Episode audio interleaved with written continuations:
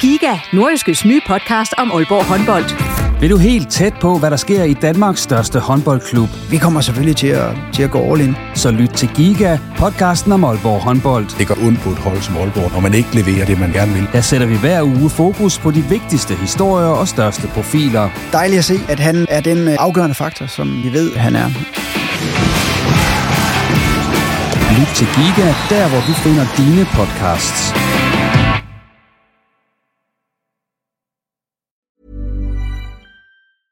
I'm Sandra, and I'm just the professional your small business was looking for. But you didn't hire me because you didn't use LinkedIn jobs. LinkedIn has professionals you can't find anywhere else, including those who aren't actively looking for a new job but might be open to the perfect role, like me. In a given month, over 70% of LinkedIn users don't visit other leading job sites. So if you're not looking on LinkedIn, you'll miss out on great candidates like Sandra. Start hiring professionals like a professional. Post your free job on linkedin.com/achieve today. Many of us have those stubborn pounds that seem impossible to lose, no matter how good we eat or how hard we work out. My solution is PlushCare. PlushCare is a leading telehealth provider with doctors who are there for you day and night to partner with you in your weight loss journey. They can prescribe FDA-approved weight loss medications like Wagovi and Zepbound for those who qualify. Plus, they accept most insurance plans. To get started, visit plushcare.com slash weight loss. That's plushcare.com slash weight loss. Du lytter til en podcast fra Nordjyske. Det så rigtig godt ud undervejs, men OB endte igen igen på en femteplads i Superligaen og uden billet til europæisk fodbold. Hvad er forklaringen på det? Hvad har været lyspunkterne i sæsonen, og hvad kommer det til at betyde for den kommende sæson? Det skal vi blandt andet forsøge at give svar på denne gang i sæsonafslutningen af Reposten, hvor vi selvfølgelig også lige skal gøre status på de tre nordiske hold, der i denne sæson har spillet i første division, eller Nordic Bet Ligaen, om du vil. Mit navn det er Jens Otto Barsø, som lige endnu en gang husker på, at du skal abonnere på Reposten i din foretrukne podcast-app, og så følge os på Twitter og Facebook. Og så vil jeg ellers sige goddag til gæsterne, som denne gang er Jakob Kryer, der er fodboldagent hos People in Sport, Claus Jensen, der er sportsredaktør hos det nordiske mediehus, og så Simon Ydelsen, der også er sportsjournalist hos det nordiske mediehus. Og øh, velkommen til jer tre. Tak for det. Tak for det. Tak. Og vi skal jo som sagt gøre status på en sæson i nordjysk fodbold den her omgang af, i den her omgang af reposten, og øh, inden vi lige går i gang med det sådan helt 100%, så skal jeg lige høre jer, og vi kan starte med dig, Simon. Hvad har egentlig været dit højdepunkt i den sæson med Norges fodbold, sådan set ud over en bred kamp? Du på, så det er ikke kun OB, det er også, hvis du kan finde på noget andet, så er du også velkommen til det. Nej, men nu, lad, os, lad os blive i OB-land, øh, og så, så tager jeg målet, øh, som Daniel Gralli, han scorer nede i, øh, nede i Herning i forårspremieren, hvor han scorer til 1-0. Det et, et fantastisk mål. Øh, jeg tror hverken, det er set før eller siden, at, øh, at han har præsteret så godt med bolden. Det var så, virkelig så imponerende. også her mod Viborg, hvor, hvor, hvor, hvor, hvor træfsikker han er. Der havde han jo to field goals, mere eller mindre. Tre. Tre, faktisk, okay. Jeg talte kun to. Der var en af dem, der rydde over stadion. Og min søn, han mente, at den måske havde ramt øh, varevognen, siden de ikke kunne se nogen af de der strafspark der, der måske var, måske ikke var. Yes. Claus, videre til dig. Hvad er dit øh, højdepunkt i den her sæson? Det kan også være, at øh, Daniel Granja, han fik øh, ramt en eller anden strømkabel, for der var ikke rigtig liv i ret mange af måltavlerne ude på, på Aalborg Portland Park til den kamp. Nej, det var der heller ikke sidste gang. Nej. Nå. Det er nok et spørgsmål om strøm uh, issues. Uh, det koster jo nogle dage. Uh, jeg tager en enkeltstående kamp, så for det er OB's 3-0 hjemme over Brøndby her i foråret. Det synes jeg var uh, sæsonens bedste OB-kamp, for det er en kamp, hvor de jo i 90 minutter dominerer, skaber mange chancer uh, og holder modstanderen nede på, tror jeg, nærmest en chance i de der 90 minutter. Så det var, det var klart den bedste OB-kamp. Så begyndte det så også at gå lidt nedad derfra. Jakob, har du et øh, højdepunkt i nordisk fodbold, som så ikke nødvendigvis behøver at OB?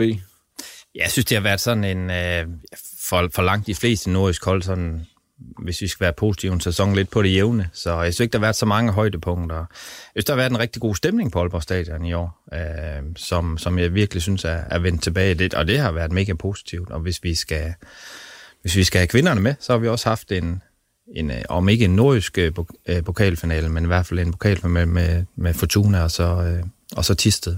Det kalder vi nordjysk. Det kalder vi nordjysk. Ja. Så, så de har også været fint repræsenteret. Ja, der vandt Fortuna jo. Der vandt Fortuna. Endnu en gang. Så tillykke til dem.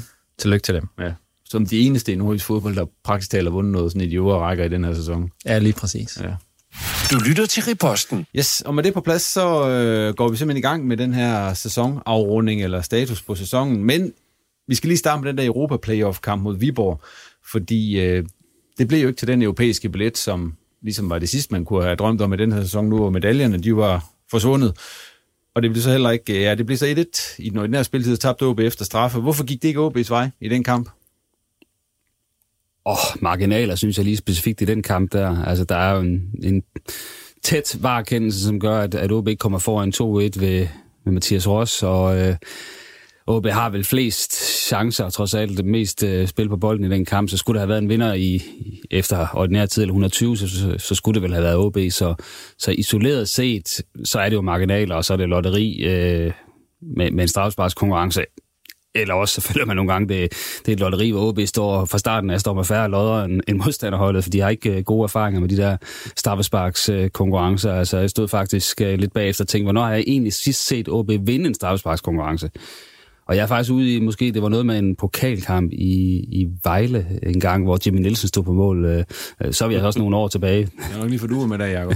ja, det er godt nok. Øh, så er vi mange år tilbage, men jeg, altså, jeg er helt enig med Claus. Jeg synes faktisk, at OB langt hen ad vejen spiller en, en fin kamp, og er jo, øh, er jo ikke totalt dominerende, men jeg synes også, de er bedst både i, i den ordinære spilletid og også i den forlængede spilletid, og har jo et, et hav af, af dødbolde.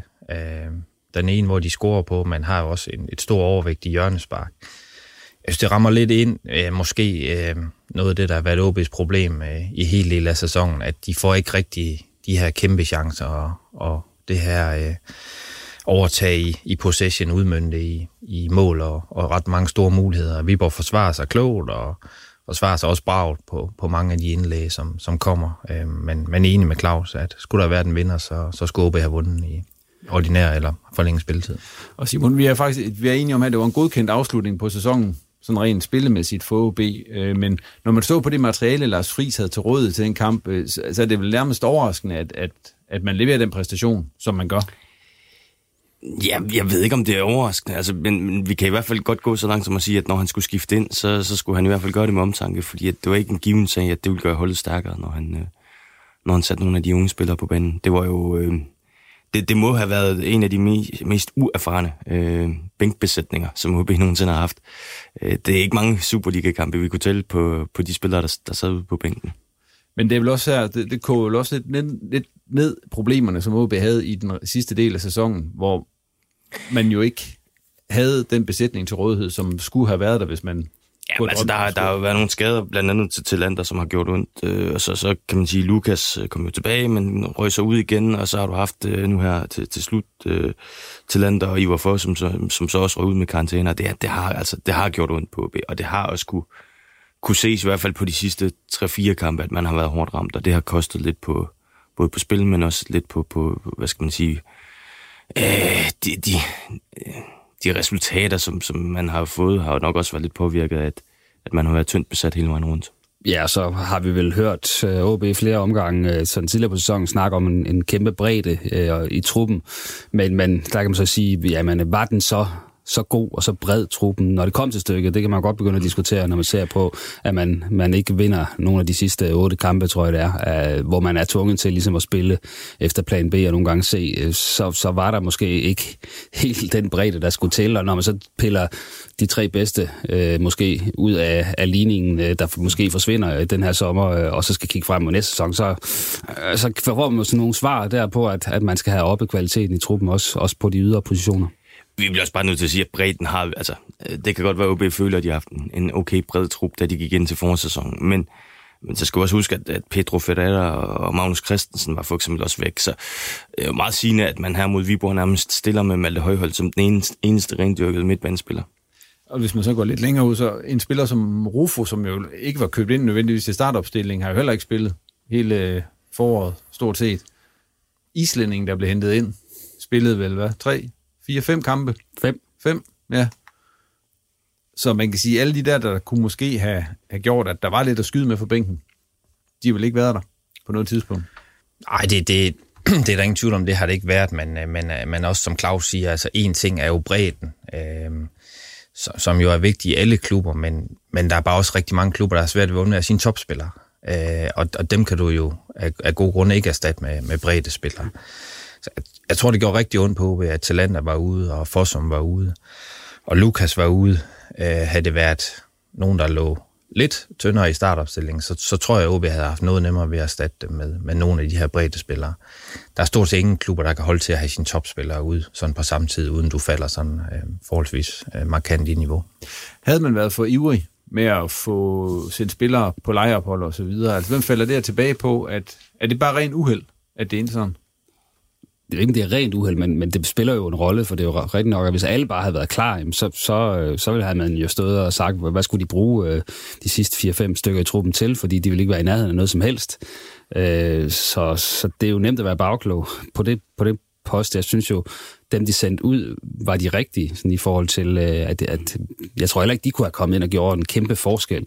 Øh, nu her i de afgørende kampe for, det har vi også set, at de sådan heller ikke er braget igennem i de klubber, de har været ude i. Øh, måske, jeg kan sige, Oliver Klitten lidt, lidt undtaget. Han blev så alt topscorer for Hobro, men altså, så ham kunne de måske godt have brugt i den sidste kamp, men, men nej, det, det synes jeg er for bagklogt at, at stå og sige, at de ikke skulle have sendt dem afsted. Man kan jo sige, at, at Frederik Børsting øh, sender man jo afsted sådan lidt uden for, uden for nummer, fordi der er, et, der er et godt tilbud for ham, og så, så tror jeg også, at OB øh, meget retfærdigt til, jamen, så tage afsted, når vi, altså, vi har fået en, en god aftale, så, så, så skal du også have lov til at komme afsted lidt før tid. Øh, fordi altså, det, det er jo nemt, igen, som Claus siger, at stå og spille bagklog og sige, at ham kunne man nok godt have brugt. Altså, det kunne man jo ubetinget, ja. men, men jeg tror også, at måske han var blevet uh, så pissed over, hvis han ikke har fået den chance, få lov til at få den chance, at, at han måske mentalt ikke helt har været der. Ja. Fordi han, han har gået og, og ønsket det i længere tid. Og som sagt, det ville have været de sidste fem kampe, vi snakker om. Altså inden da, så, så var der jo egentlig på trods af flere skader, øh, et, et okay øh, udvalg af, af muligheder for Lars Friis og, og tidligere Oscar Hillimark. Det var så også de sidste fem kampe, det gik galt, kan man så sige. Ja. ja. Øh, nu blev vi så nummer 5, og jeg kan ikke engang huske, var det 14. gang eller sådan noget i, ja, i Superligaen? De er jo Danmarksmester i femtepladser, ja. så altså det, det der nu har jeg set på Twitter, der er nogen, der er, der er meget stolte af. Ja. I mange på bedre. Men, så, men er den her femteplads så, er den, så, er den et retvisende billede på OB's sådan nuværende styrke og position i dansk fodbold? Jeg synes uh, ikke, det er helt skævt, altså, men jeg synes jo sagtens, man kan kigge op stadigvæk, altså, fordi OB, der, der mangler jo ikke meget, for OB havde stået som nummer tre i den her sæson. Altså, hvis de nu havde undgået skader, og så osv., jamen, de skulle nærmest kun bruge fire point mere eller sådan noget, så havde de blevet nummer tre, ikke? Altså, det kunne de jo sagtens have, have fået. Øh, omvendt skulle der heller ikke så meget mere til, før så var de blevet overhalet af Randers, og så var de blevet nummer 6. Altså, så øh, det er trods alt fremgang. Altså sidste sæson blev OB så nummer, nummer syv, ikke, fordi de vandt nedrykningsspillet. Nu bliver det nummer fem. Øh, det, det, går der trods alt fremad. Øh, men, men et eller andet sted omkring øh, 4, 5, 6, det er vel der, deres niveau har været i den her sæson. Synes du, det er fair nok, at de bliver nummer 5? Altså, hvilken tredjeplads har været for meget set ud fra... Ja, det, det er jo, som Claus siger, at øh, altså, hvis du kigger det sådan rent budgetmæssigt, så ligger der jo tre klubber, som er, som er en del foran resten. Så er der jo ingen tvivl om, at AGF bruger også rigtig mange penge på deres øh, hold, og så kommer OB jo formentlig der sammen med, med noget OB-agtigt lige derefter.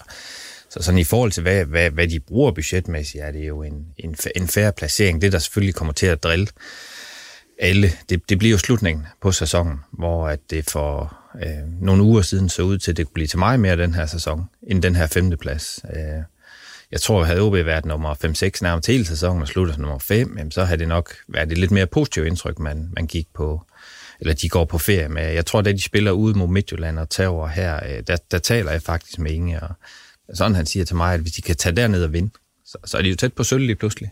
Øh, så det er, jo ikke, det er jo ikke så langt fra, at de, at de kunne række ud efter de to store. Altså. Så det bliver slutningen af sæsonen, der kommer til at efterlade et indtryk, som ikke er så pænt. Men nu er det jo en sæson, der, man kan sige, den er selvfølgelig delt op i et efterår et forår. Simon, kan man sige, at OB fik mere, end de havde fortjent i efteråret, og så mindre måske, end de havde fortjent i foråret?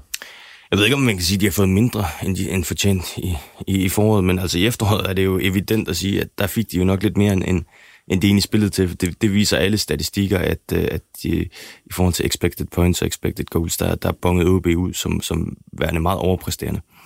Øh, og Rene havde exceptionelt mange store redninger, øh, kan man sige, på, på expected goals imod. Ja, ja lige præcis. Altså, der, der, var, der var virkelig nogle ting, som gik op i en højere enhed, hvor man siger, at det, det der det er ikke langtidsholdbart for OB. Øh, og det har jo så også vist sig, at, at, øh, at man kom jo, kom jo lidt ned på jorden i løbet af, af foråret her. Men, men trods alt ikke mere end, at vi skal jo ikke tilbage til mere end, hvad, 22. 23. april, hvor, hvor vi står inde i det her studie, mig og Thomas Jasper, og siger, at um, OB er favoritter til at tage bronzen, fordi at de er fire point foran øh, Silkeborg, og der resterer ikke så mange kampe, så, så vi tror på, at de, øh, de når på den. Så altså, det er jo gået stejlt ned ad bakke her til, til slut. Ja, på baggrund af det, hvad karakter skal OB så have for sæsonen? Og i den her sammenhæng, der bruger vi jo nordjyskes øh, boldskala fra 0 til 6 bolde. Så det går, at du skal, du skal lige høre de andre, Jacob, så du får... Jeg lytter, jeg lytter lige med. Jamen, det er jo svært, synes jeg, fordi at øh, hvis man sådan på forhånd havde sagt, okay, hvad er en godkendt sæson for OB, så vil man sige, at de skal i hvert fald i top 6. De skal også gerne øh, op og, og begynde at række ud efter nogle af de sjove placeringer, for det er ligesom det, der er målsætningen. Og det har man jo ligesom opnået, kan man sige. Så, så det kan ikke være andet end godkendt. Øh, så kan man så sige... Øh, øh, ja, afslutningen gør jo nok, at hvor det lå til noget 4 ud af 6, så, så begynder det sådan lidt at ligge på noget middel, fordi man, øh, man, man slutter sådan af, så, så får man lidt fornemmelsen af, at det var lidt øv. Øh, så jeg er faktisk i tvivl, om det er 3 ud af 6, som er middel, eller om det er 4 ud af 6, som er, som er over middel. Øh, øh, det er nok mere til, til middel, når man ligesom skal opsummere sæsonen, budget versus placering, øh, må jeg sige. Og så får du den, Simon. Jamen, jeg, jeg går med... øh, Jeg tror, du ender på tre bolde, ikke også? Jo. jo. Jeg ender på fire bolde øh, over midten. Det, det gør jeg simpelthen ud fra en præmis om, at vi stod her inden sæsonen og sagde, at det, det så ikke så godt ud for OB, og der var mange spørgsmålstegn. Altså i forhold til Sif- Sifuentes, hvordan han ville skrue det sammen. Og når vi så kiggede på truppen, og det har vi sagt flere gange, så synes jeg ikke, at OB har en top 4-trup. Øh, så at de ender med at blive nummer 5, det synes jeg faktisk er rigtig godt øh, skuldret. Øh, og når vi så der, er der er også tager i med i ligningen, at de faktisk langt hen ad vejen var tæt på at kunne blive nummer 3, og måske burde være blevet nummer 4, så synes jeg, at det er en, det er en sæson til, til overmiddel, selvom det ender sådan lidt flat med, med den her femteplads og, og ingen Europa. Er du også over middel, Jacob? Ah, jeg tror, jeg er mere på, på Claus' del, altså også ud fra, at øh, så, så vidt jeg husker, så deres egen målsætning var top 4, øh, og det, det opnår de jo ikke, så øh, er svært ved at sådan gå, gå meget højere end det, når de ikke opnår den målsætning, de selv har, har meldt ud, og så kan man jo sige, at den målsætning er jo, er jo ambitiøs ud fra det, vi talte om lige før. Så det er sådan set fint nok, men, øh, men jeg synes, de har spillet en, en sæson på middel, hvor, hvor den sidste del trækker, trækker meget ned. Øh, og så kan du tage pokalturneringen med også, øh, hvor, hvor de nogle tidligere år har lidt nogle nederlag, som øh, var i sådan lidt en pinlig end nu. Røg de trods alt ud på udebane til Midtjylland, hvor man siger, det, det er vel også et acceptabelt sted, hvis man skal ud af den her øh, pokalturnering. Så jeg synes, de har spillet en sæson på, på middel. Ja, det var faktisk dem, der endte med at vinde det hele. Ja, lige præcis. De, de tabte. Nu tænker jeg lige, inden vi lige går videre og skal snakke lidt om Inger André Olsen, så er lige den her afslutning, OB på, får på sæsonen med, med seks nederlag i syv kampe og sådan en enkelt uafgjort. Altså, hvor meget at, kommer det til at, at have et efterslæb i den sæson, der kommer, når de starter op igen? Fordi det, som vi snakker om, altså fans og så videre er skuffet, men jeg går ud fra, at der er nogen, der er mere skuffet over det her, end, end dem, der så rent faktisk er involveret i det. Spillerne, trænere og så videre. Ej, jeg synes, Simon har en rigtig god pointe i, at det er også noget af det, jeg sad og kiggede på, den her statistik, jo, som, som man godt kan blive lidt bekymret for at sidde og kigge på. Og sige, øh, jamen den her slutning på sæsonen, lå det ikke lidt i kortene, måske ikke det skulle gå så slemt til sidst, men, men lå det ikke lidt i kortene, at, at OB på expected goals og på chancer imod, og som Claus siger, er en, en fantastisk målmand, som har reddet dem rigtig mange gange, at det skulle vende på et eller andet tidspunkt. Øh, så at det skulle gå så galt, tror jeg ikke, der var ret mange, der har set. Øh, Men, men, men det lå nok i kortene, at, at skulle de blive ved med at køre en hel sæson, som de gjorde rigtig langt, så, øh, så ville det være en sæson, som, som, hvor de også har haft marginaler og held med sig hele vejen igennem. Men kan du være lidt bekymret, Claus, for det her, altså når man så starter op igen? Fordi det må vel have givet et ordentligt hak i, i selvtilliden og i, i, sådan, i hele troen på det derude, at det er gået, som det er gået. Jo, det kan jeg godt, men jeg, jeg tænker også, der er en fordel i, at, at Lars Friis han kom ind trods alt sådan midt i en sæson, øh, og, og sikkert har været lidt fanget i, hvad han gerne ville kontra, hvad holdet har været vant til.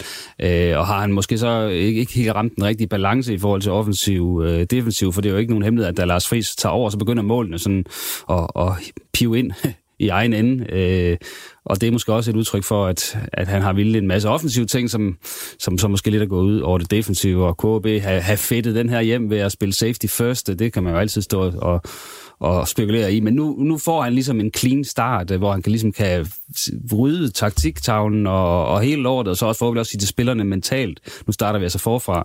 Nu er det det her, jeg vil. Øh, nu er det det her, vi bygger op. Øh, og det tror jeg egentlig godt, jeg kan se noget positivt i, at, at nu, nu, øh, nu er han ikke heller ikke under pres for ligesom at præstere og nå top 6 og alt det her, øh, eller medaljer. Nu, nu er der tid til at bygge det op. Øh, og det tror jeg øh, tæller til, til, til fordel og, og Lars Friis' fordel. Nu er det jo, som jeg sagde tidligere, nu øh, Inge Andre Olsen, OB sportschef, har også haft sådan lidt et, et, ja, et, et turbulent år, kan man vist godt sige, øh, med øh, ja, blandt andet den her agentsag og, og så videre og så videre. Det er så også ham, der har ansvar for at stykke den her trup sammen, som jo så viser sig ikke at være bred nok til sidst og så videre. Altså, hvis I sådan skal vurdere Inge på den sæson, han har, har haft i OB, er han så under pres, eller sidder han trygt i stolen ude i, ude i OB? Jeg tror, at han er under pres. Altså, det tror jeg da også, at øh, i og med, at han er jo, og det har han jo selv været ude at sige, ligesom har, har måttet trække stikket øh, og har haft, øh, haft et, en stressfaktor indover, der har gjort det, han ikke har følt sig, følt sig helt sund. Det, det er vel også et udtryk for, at, at alt ikke bare fryder gammel omkring ham, fordi øh, der er rigtig mange opgaver, og det er ikke dem alle, han har, har løst lige godt. Altså, som du selv siger, så var der jo Kora-sagen, hvor også... uanset hvad, hvad der sker, så, så vil han have det her hængende over sig med, øh, fik han nogle, nogle fordele ud af, af den handel, eller, eller hvad gjorde han? Det, det spørgsmålstegn vil ligesom hele tiden blive der, og så er der Kasper Høgh transferen, øh, kan man sige, som ikke rigtig gjorde forskel, forskel til sagen Har han nu valgt en rigtig cheftræner? Er det rigtigt at, at, at beholde spillere, ikke sælge nogen to transfervinduer i træk? Og, og hvad gør han nu, når de profilerne forsvinder? Han skal ud og finde noget, noget øh, kan man sige, noget godt, og OB skal bygge yderligere på osv. Så, så, så jo, jeg tror da, han føler sig presset. Hvor, hvor, hvor presset han så reelt er i forhold til, hvad, hvad, hvor stor opbakning han har i bestyrelsen, hvor jeg tror, han har haft i hvert fald indtil videre stor opbakning det ved vi så ikke, men, men jo, øh, jeg tror, han er presset. Han skal til at præstere, og han skal til at præstere mere kontinuerligt på transfermarkedet, end det, der har været tilfældet. Altså, vi kan jo tage en liste over de spillere, han har hentet, og så, så kan vi nok desværre godt finde flere fejlskud end pletskud. Øhm, jeg er med på, at Luca Prip er et øh, kæmpe pletskud, men øh, der er bestemt også nogen, hvor man sådan må stille spørgsmålstegn ved, hvad er det egentlig OB, de skal med dem, og er de gode nok til at spille i OB? Altså i forhold til, at man har den her ambition om at være top 6, top 4. Og det er jo blandt andet på angrebsfonden. Altså man kan sige, øh, vi havde en, øh, en Timprita, som ikke slog til. Øh, en Milan Margaret ligger også sådan lige på grænsen af, om, om øh, altså man kan selvfølgelig altid tage diskussionen om, OB bruger ham rigtigt og så videre, og om han er den rigtige til OB's system, men, men det er jo heller ikke brændt igennem. Afløseren, øh, supplanten Kasper Høgh er heller ikke brændt igennem på den måde er der jo, er der jo flere øh, positioner, hvor, hvor det er sådan lidt... Og man tager Tom van Vert ud af butikken, som så bliver topscorer i Grækenland. ja, ja, for eksempel. Men altså sådan en Anders Salskær, øh, Daniel Granli, er de, er, de, er de dygtige nok til at skal spille i OB? Altså, det er, jo, det, er jo, det er jo et spørgsmål, som jeg synes, der er relevant at stille, hvis man skal til at spille med en, en firebakkæde, som der er nogen, der tyder på, at man godt kunne komme til at praktisere noget mere. Jamen, er de dygtige nok til at kunne indgå i, i det? Man kan sige, at mange af de øh, indkøb, der sådan ligesom har været profilerne på holdet, det har været godt indkøb. Altså det har været en øh, Jakob Rinde, det har været en Rasmus Tillander, det har været en Ivo Fossum, som man så, som, så et år tilbage nu, altså sidst nævnt det her. Altså, det er vel, altså, det er jo nogle store profiler for OB, Jakob, der har været. Altså nu, nu skal man ud og, og finde erstatninger for dem. Alt andet lige, så er det jo også et, et presgod, for du har selv siddet som sportschef og skulle ud og udfylde sådan nogle huller efter profiler, der forlader klubben. Ja, altså det... Øh, altså det, jeg tror, jeg kigger sådan lidt, så godt jeg kan nuancere på engelsk, for den er jo sådan en, det er jo sådan meget... Øh, altså han skal jo virkelig måles på flere forskellige parametre, øh, og man kan sige, at den, som jo flest måler på, det, det er jo dybest set placeringen. Øh, og øh, den er vi jo enige om, den har været ok, uden at have været prangende, lidt under deres målsætning, så den er vel ok. Og så, så virker det jo som om, at de har lavet en strategi om ikke at sælge noget for, og øh, den har han jo helt sikkert øh, lavet sammen med direktionen og bestyrelsen. Øh, og der kan jeg da godt sidde og tænke, uden jeg ved, om det passer, men, men kan de sidde af os over, hvis de kunne få 6-7 millioner for Talander i januar, at, at han ikke blev øh, skudt afsted, om, om, om det havde været klogt, men det er selvfølgelig også lidt, lidt bagklogt at sige det. Øh, så er der selvfølgelig noget infrastruktur, som, øh, som han også arbejder på med, med baner og øh, omklædning og alle de her ting, som, øh, som de er ved at få en ny træningsbane, som jo også hører under hans del. Og så, så er der selvfølgelig det her med, med trænerdelen, hvor vi havde øh, øh, det her både med Thomas Berg og Lars Friis i, i januar og februar, som, som øh, alt andet lige jo på en eller anden måde nok har indvirket i, i, i deres øh, forår.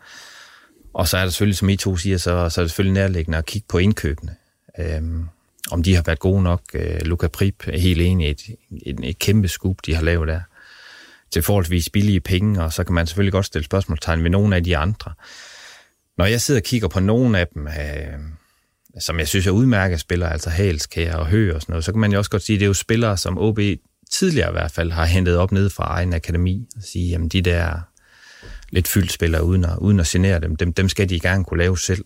Øhm, og han måske også været lidt ramt af, at han ikke har kunne hente ret meget op nedefra, så han er nødt til at supplere udefra med, med lidt mere spillere, som, øh, som er øh, ikke topspillere. Men han har trods alt lært en lektie, tænker jeg, i forhold til at, øh, at øh, lige slappe lidt af med de eksotiske spillere og primært gå efter danske spillere. Øh, fordi det trods alt er noget nemmere at få dem hurtigt integreret på holdet. Altså øh, netop Halskær, Høg, Prip og så videre, som er, er kommet til. Ikke? Så, så der har han jo helt sikkert lært noget. Men jeg tror, vi stod her for et års tid siden og, det gjorde vi også, ja. og sagde, ja det, vi står hele tiden, men, men der tror jeg, jeg sagde, at jamen, det, det er under middel, det er Inge præsteret i sit første sådan, knap halv, øh, et år plus nogle måneder i, i OB, hvor jeg kan sige, jamen, øh, så, så lander vi jo så på en middel nu, øh, ud fra at øh, holdet trods alt kom i top 6, og, og, øh, og også ud fra, at, at de her manglende salg lidt peger på bestyrelsen. Det er i hvert fald det, at bestyrelsesformand Torben Fristrup var ude og sagt, at det var en enig bestyrelse, der sagde, at vi skulle ikke sælge. Så, så den kan man måske ikke helt tørre af på ham. Så alt andet lige, så bliver det sådan en middelpræstation. Øh, men, men det middel er jo som sagt mere, eller det er jo ikke nok for OB. Altså, de vil, de vil op og lege med i den sjove ende, og det gør også, at sportschefen skal præstere bedre. Og så er det, som du siger før, altså, øh, altså, altså de, de, dem, han skal finde erstatninger for, det er svært. Altså, det er virkelig svært at finde spillere øh, til OB på talent og, og niveau. Så, så det der, det bliver en, en kæmpe opgave bare for at bevare status quo og vælge de så måske ovenikøber og skal sælge en til sommer, om, om det kunne være Prip for eksempel. Så, så er der jo rigtig mange øh, dygtige spillere, der skal ind også for bare at have status quo på tingene. Ja, og om de vælger at bruge ham eller ej, så Kusker også udløber med halvår, ikke? Altså det er jo også et, et godt indkøb, ikke? Altså mange Jamen, af de der. Man kan også, altså hvis vi går lidt tilbage øh, i tiden, så, så kommer Inge André jo ind i, på et tidspunkt, hvor OB har en stor trup, og han skal rydde lidt op. Det lykkedes han ikke med i første omgang, så vidt jeg husker. Og så, øh, så går han jo i gang med den proces med, med at få ryddet op, og det, det virker lidt som om, at nu er det så lykkedes ham at komme til bunds i det der overskudslager. Øh, så skal han så samtidig, som, som I, I siger, ud og erstatte nogle rimelig tunge spillere nu. Øh, så der er rigtig, rigtig mange opgaver i, i det her med trupsammensætningen frem mod næste sæson. Øh, og ja, der, altså, nu, nu er det ikke ude endnu, men men Lars Kramer, øh, der formentlig skal til OB, øh, og øh, Alan Tusa, der er, er, er øh, præsenteret som ny OB-spiller. Og det er da en god start, men han er jo langt, langt fra færdig. Det her det bliver et, øh, et meget definerende transfervindue, øh, både for OB, men også for Inge André. Og så er der målmandsposten, som jeg tror, han sidder og klør sig rigtig meget i baghovedet over lige nu, fordi ja, de har stort talent i Theo Sander, men er han klar til øh, Superligaen? Øh, jamen, det kommer an på, hvad man definerer klar i min optik, fordi hvis han skal stå øh, den kommende sæson, jamen, så bliver det bare på en knap så højt niveau, som det øh, Jakob Rinde har præsteret. Det må man bare sige. Altså, og der kan man jo hurtigt gå ind og pille øh, en 5-6-7 af de her øh, store redninger ud af, af Rindes sæson, og så sige, hvad havde det så ikke kostet OB, og så videre, og harmonere det med øh, top 4, og så videre. Så jeg tror også, det er et punkt, hvor han klør sig rigtig meget i håret, om han skal have chancen eller ej. Og skal han have chancen, så skal man finde en, der er god nok til at kunne træde til, men som også kan leve med at stå i skyggen af en, øh, en ung øh, målmand. Der. Det, det er rigtig, rigtig, rigtig, øh, kan man sige, en hjernebryder, den han har der, også, også på det punkt. Men man kan sige meget om Inge, men efter han er kommet, altså der er jo ikke på nogen måde været ro på. Der er blevet skiftet ud overalt. Efter, altså nu, nu snakker du også ind og snakker om selve talentdelen, øh, nu nok, hvor, som skal være fødekæden og så videre. Der er jo også blevet skiftet stort set ud overalt i løbet af ja, det sidste år. Ja, det, og det er noget af det, det tror jeg også, jeg sagde sidste gang, jeg var med. Altså, det er noget af det, jeg synes, han har reageret rigtig godt på. Altså, det tjener også til, til hans ros, at, at jeg tror, det er ikke sikkert, at ingen selv får, får ret meget gavn af det, men, men jeg tror, han virkelig får sat øh, styr på, på, på deres akademidel igen. Øh, og det kommer måske til at tage nogle år, før, før man rigtig kan se resultatet af det. Øh, men, øh, men der har han jo reageret helt sikkert på, at, at det, han har set nede på, på ungdom, og det, han selv har fået op, har han vurderet ikke er, er noget, som er på det niveau, som han kan bruge, og, og det er han reagerer fint på, så, så det, det synes jeg er en rigtig fin ansættelse. Det her transfervindue, der så, ja, det er vel allerede i gang. Øh, hvad forventer I egentlig? Altså, Vi forventer det? rigtig meget. Ja. Store ting. ja. Ja, i hvert fald en, en stor aktivitet. Øh, det, det bliver virkelig spændende at se, hvor, hvor, meget, øh, hvor meget der kommer ind, øh, fordi at vi ved jo allerede, at der er en del, som, som går den anden vej, øh, og vi har nok en idé om, at der er endnu flere spillere, der kunne øh, finde på at, at sige farvel til OB. Så øh, i forlængelse af det, vi står og snakker om, at truppen ikke har været helt bred nok her i foråret, så må man jo også sige, at der både altså, kvalitativt, men også kvantitativt skal, skal nogle spillere ind. Øhm, så så der, der, der bliver fart på. En af dem, der er så blevet hentet ind, det var så træneren i løbet af, af den her sæson, Lars Friis. Øh, han får så ikke lige frem den sæsonafslutning, som han kunne, kunne have drømt om. Er vi stadigvæk trygge ved, at, at han er den rigtige mand for OB? Ja, det, det synes jeg. Altså, han, øh, han skal selvfølgelig, som, som Claus sagde for et stykke tid siden, altså have, nu, nu får han en opstart øh, til, at, til at føre hans idéer ind øh, på tingene. Han får helt sikkert også noget, noget indflydelse på transfervinduet. Øh, det er jo formentlig også derfor, Lars Kramer han, han kommer op. Det er jo nok Lars Friis, der har, der har talt ham op som en, en god afløser for Talander. Så, så det synes jeg. Altså, jeg, jeg synes, han har været et øh, frisk pust, og selvfølgelig en, en rigtig dårlig slutning, men, men helt sikker på, at han, øh, han, han får pænt med chancen nu til at indføre sin, øh, sin strategi og spillestil i, i, i den næste sæson også. Og så kan man sige, kan man vurdere på tre måneder, om han er den rigtige mand for OB? Det, det kan jeg ikke. Altså, så jeg står heller ikke her og siger, at han er bare the man for OB, og han kommer til at være der de næste fem år og, og få stor succes. Det siger jeg ikke, men jeg siger, at vi, vi kan simpelthen ikke tillade os at, at sige her efter tre måneder, at han ikke er den rigtige mand for OB. Der har været en masse positive ting, synes jeg, netop omkring hans, hans måde at coache på, som jeg har noteret mig på træningsbanen, altså i forhold til at være meget mere omfavnende og inkluderende, også over for de spillere, som ikke lige er i, i, øh, i blandt de 11 startende. Øh, der, der har han altså meget mere, sådan, der tror jeg, han rummer truppen meget bedre, end for eksempel en Sifuentes gjorde, og, og også i, i endnu højere grad nogle af, af forgængerne, Vikors blandt andet, øh, som jeg også fik, fik skyld for ikke rigtig at, at tænke på andre end dem, der skulle starte. Så, så, og så har han netop også øje for, øh, kan man sige, for ungdomsafdelingen, øh, og bliver, bliver set, er rigtig mange timer på anlægget. Så der er mange positive ting der. Men så det klart, at nu skal han så til at, kan man sige, at sætte, sætte tingene fra starten af en sæson, som jeg sagde tidligere, og, og gøre det på sin måde. Og så har vi klart bedre indtryk af, hvor langt det kan bære. Og så er du ret i det, du spurgte om før. Øh, altså, det, det er jo lidt en træners lod. Øh, altså, får han nu en dårlig start på den næste sæson, så kommer slutningen af den her sæson jo lige pludselig i spil igen. Øh, fordi så bliver det en lang periode. Så, så det er jo vigtigt for ham og for OB, at han får en god start for ligesom at få vask, øh, visket tavlen ren, for ellers så bliver det lige pludselig, jamen, så er de ikke vundet i 12 kampe, eller 10 kampe, eller et eller andet.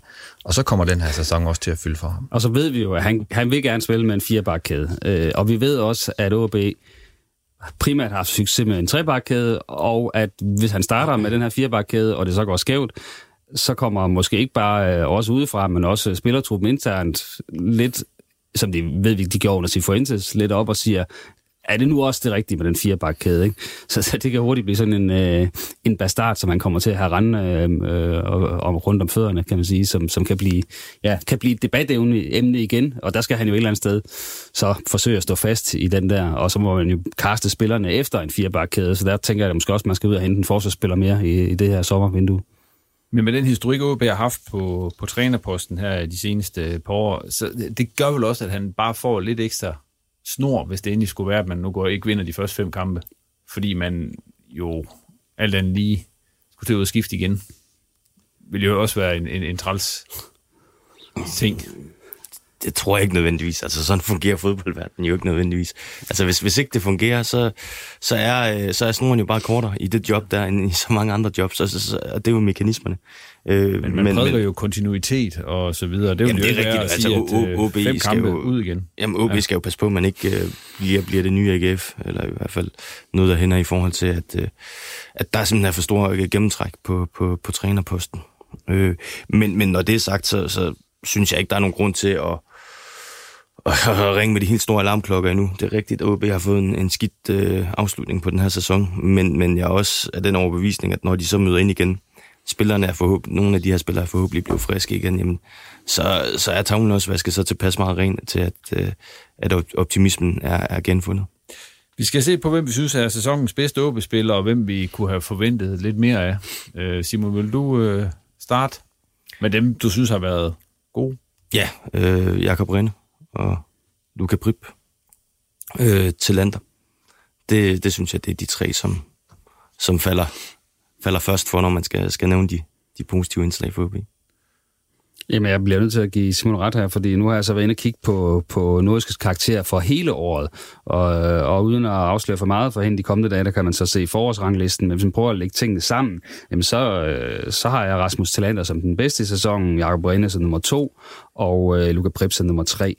Øh, og det, det synes jeg har øh, nærmest... Jeg håber ikke, at øh, Jacob har tænkt sig at betvivle den top 3, for jeg kan ikke rigtig se, om der kan, kan knække sig ind og klemme sig ind blandt de tre, men, øh, men øh, ja, jeg udfordrer dig. Han har en smil på. Over. nej, nej, det var mere over uh, journalisternes karakter. Om, uh, ja. dem, dem, dem kan vi jo ikke lægge så meget i, men, uh, men, men nej, jeg er enig. Altså, det er svært at komme ud om de tre. De har været OB's uh, klart tre bedste spillere. Og det er jo så lidt bekymrende, at to af dem formentlig er væk. Ja, og så måske nummer tre, hvis, hvis OB sådan skal have et stort salg, og de, de, de, de siger jo selv, at vi skal have mindst 20 millioner for vores spillere.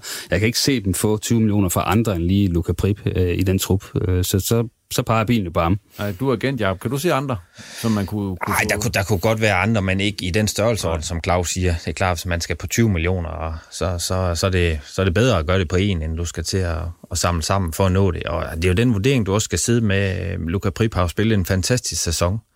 Øhm, og har jo, er jo ikke, øh, han er ikke gammel på nogen punkter, men han er jo ikke helt ung. Øhm, så, så ingen skal selvfølgelig også øh, sidde og veje det op mod at sige, kan Luca Pris spille sådan en sæson en gang til? Øh, eller er det nu, man skal kasse ind på, på han at spille en, en, en rigtig, rigtig god sæson? Ja, det er lidt en Patrick Olsen-case, kan man sige. Ah, han, har, han har dog ikke skiftet klub lige så tit som... Nej, altså, man kan, håbe, ingen, der har, man kan håbe, at Luca Prip, han øh, ikke tager samme rute. Ja. ja. Efter, altså nu tænker jeg ikke på TAGF, men sådan rent øh, fodboldmæssigt. Nej, jeg tror, hvis, øh, hvis, hvis de vil give 20 millioner for ham i AGF, så tror jeg ikke, at ingen er for fint til at sige, så får de lov. yes, øh, men øh, så dem, vi kunne have forventet noget mere af? Jamen, øh, der vil jeg egentlig godt fremhæve en spiller, som jeg stadig synes har spillet en god sæson, øh, men, men, men i forhold til forventningerne, så er jeg faktisk lidt skuffet over øh, Malte Højholds øh, forår her, fordi jeg synes, han var rigtig, rigtig god i efteråret, og der tænkte vi, at det er jo stadig en spiller i, i rivende udvikling, og, og hvad kan det ikke blive til? Øh, nu skal han sådan virkelig tage det næste skridt her i foråret. Der synes jeg, han har stagneret lidt i sin udvikling. Altså, øh, ikke, ikke været helt så god på bolden. Øh, haft nogle, nogle udfald, som jeg måske havde håbet, han øh, ligesom var kommet over, øh, og som jeg synes, han, øh, han, havde, altså, han var mere stabil efter, at han egentlig var i foråret. Men det er klart, at han er også med, i takt med alle de her skader, så, så er han kommet under større pres for, at altså, det er dig, det hele det hviler på her, fordi at, øh, at alle de andre midtbanespillere, de er stort set skadet. Det, det har måske også været en udfordring øh, for ham øh, mentalt. Men han var god her i den sidste kamp. Det var han. Det var der faktisk øh, mange, der var, som havde været dårlige i noget tid. Og for eksempel også en, en, øh, en halskær, som, som jeg synes steppede op øh, i den grad i den her kamp, efter at have haft nogle sløje præstationer. Men det var også det, vi sagde, at den sidste kamp her var egentlig okay. Simon, hvem har du bidt mærke i? Øh, jamen, den kategori der? Jamen, der, jeg har tre øh, igen. Det er Ivar Fossum, og så de to bakker, skråstrej vingbakker, Pallesen og Allemann.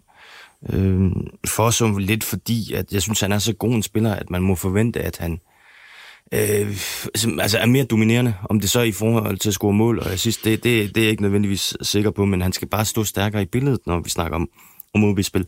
Der synes jeg, der har været nogle kampe, hvor han sådan er, øh, altså, øh, er blevet lidt, øh, hvad skal vi sige, ligegyldig er måske et, et hårdt ord at bruge, men, men hvor han i hvert fald ikke har, har haft den gennemslagskraft, som man måtte forvente ham.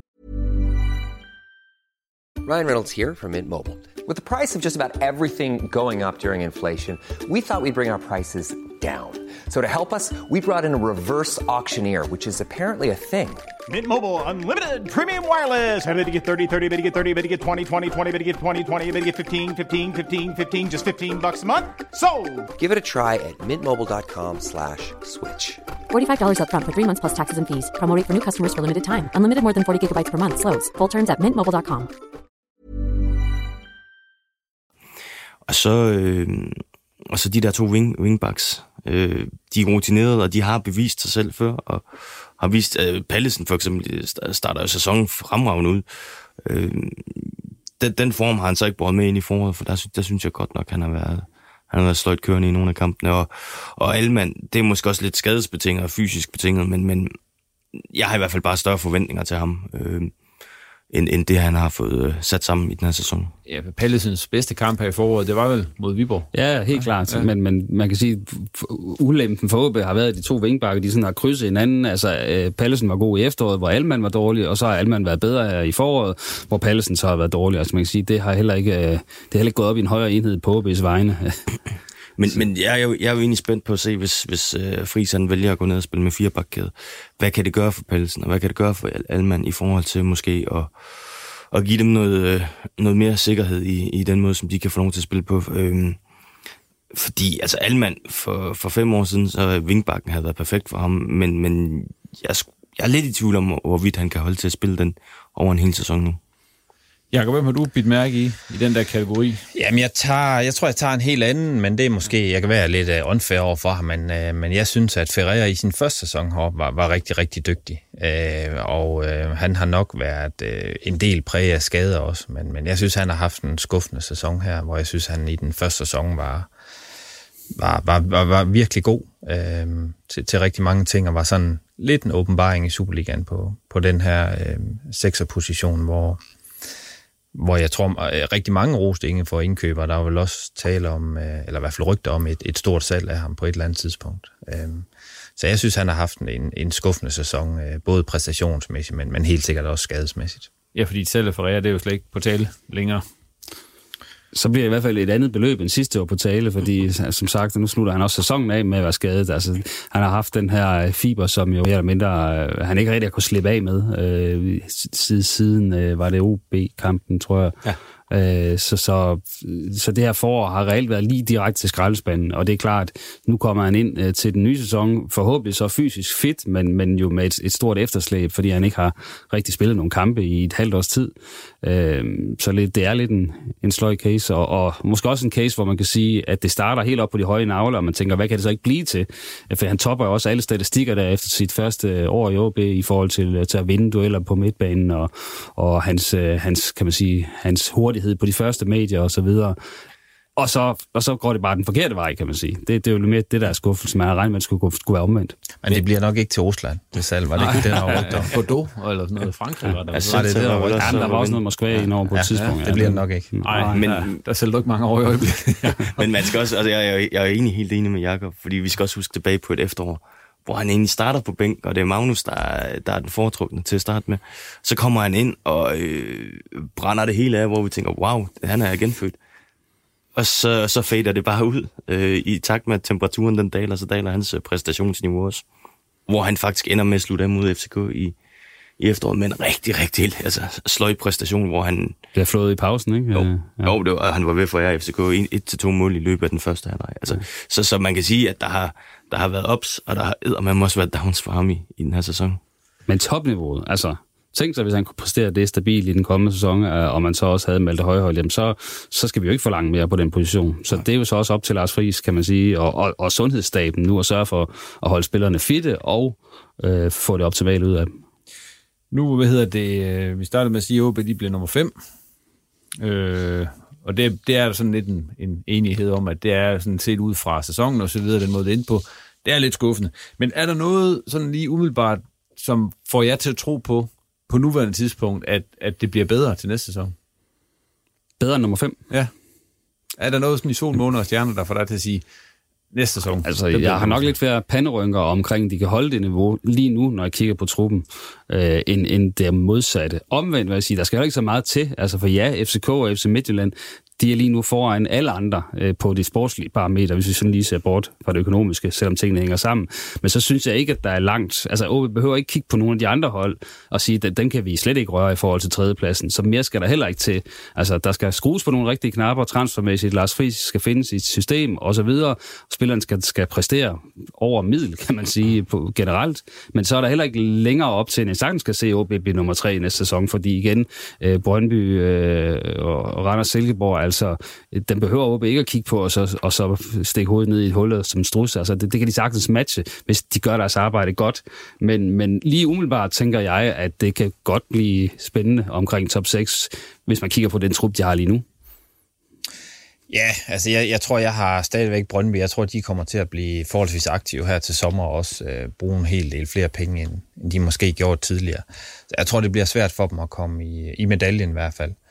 AGF tror jeg får svært ved sådan lige at lave en turnaround så hurtigt. Der vil jeg være mere bekymret, hvis jeg sad og skulle kommentere, hvordan de får øh, klare grejerne næste år.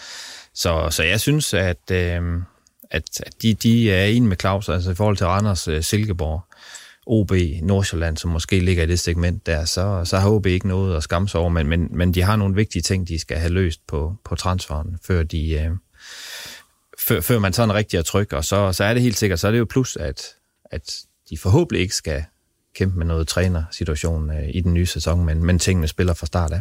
Ja, for Silkeborg, nu nævnte Jakob Silkeborg i den her sammenhæng, altså som bliver nummer tre, de har jo også udsigt til, at, at der kommer til at ske noget i løbet af, så de måske ikke er helt på samme niveau. Ja, det, det, ved, det ved Jacob måske mere om, end, end vi gør, men jeg kan da i hvert fald læse mig til, at der er, der er interesse for Sebastian Jørgensen, Nikolaj Wallis og, øh, og Rasmus Carstensen, og det er jo helt naturligt, fordi de har, de har været rigtig gode. Og jeg har også lige læst, at Helenius, han ville også gerne videre til, til udlandet igen, ikke også? Så, så øh, det er jo kun naturligt, at når, at, øh, når man har gjort det så fremragende, som Silkeborg har, så, så kommer der interesse for, for de bedste spillere.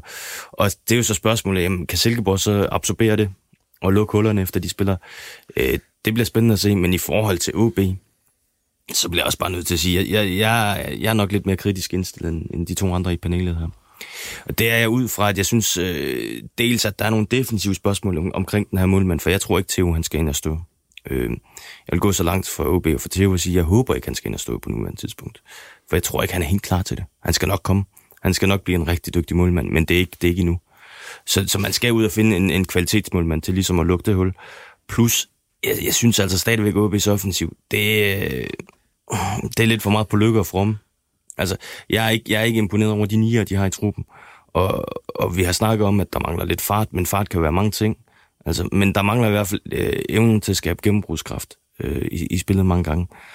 Og, og der, det er jo bare yderligere, yderligere et spørgsmål, som ingen skal prøve at løse nu her i forhold til alle dem, som i forvejen tårner sig op. Ja, nu nævner Simon den der nier position, den er vi slet ikke øh, sådan rigtig været inde omkring, fordi altså, nu har Margaret jo fået en, en hel sæson. Altså, øh, tror vi på, at, at han er svaret på, på en, en, en angriber, der scorer øh, over 10 mål? Det har han jo ikke gjort den her sæson. Jamen, det kunne han godt være, men det, men det kræver så, at han, der kommer en masse indlæg, øh, og, og at han i højere grad bliver i feltet, så, så kan det sagtens være. Men det er jo egentlig ikke sådan, noget, vi gerne vil spille. Så, så ud fra den øh, præmis, som også som Lars Friis gerne vil spille, så tror jeg ikke, at han er løsningen. Øh, og det tror jeg heller ikke, Kasper Høgh er. Altså, Øh, jeg synes, hans bundniveau i hvert fald i foråret har været øh, lidt skræmmende lavt. Øh, så ved jeg godt, at han starter som lyn og torden og laver nogle mål, men, men det lignede måske også lidt et fluk, og, og lige nu ligner han ikke en, der rigtig tror på sig selv. Så, så jo, der har OB der et, et seriøst... Øh, problem der, og, og det er da også et af de punkter. Altså, hvis ikke de henter noget på 9. position den her sommer, så, så er jeg også alvorligt bekymret. Tager de så i Minta.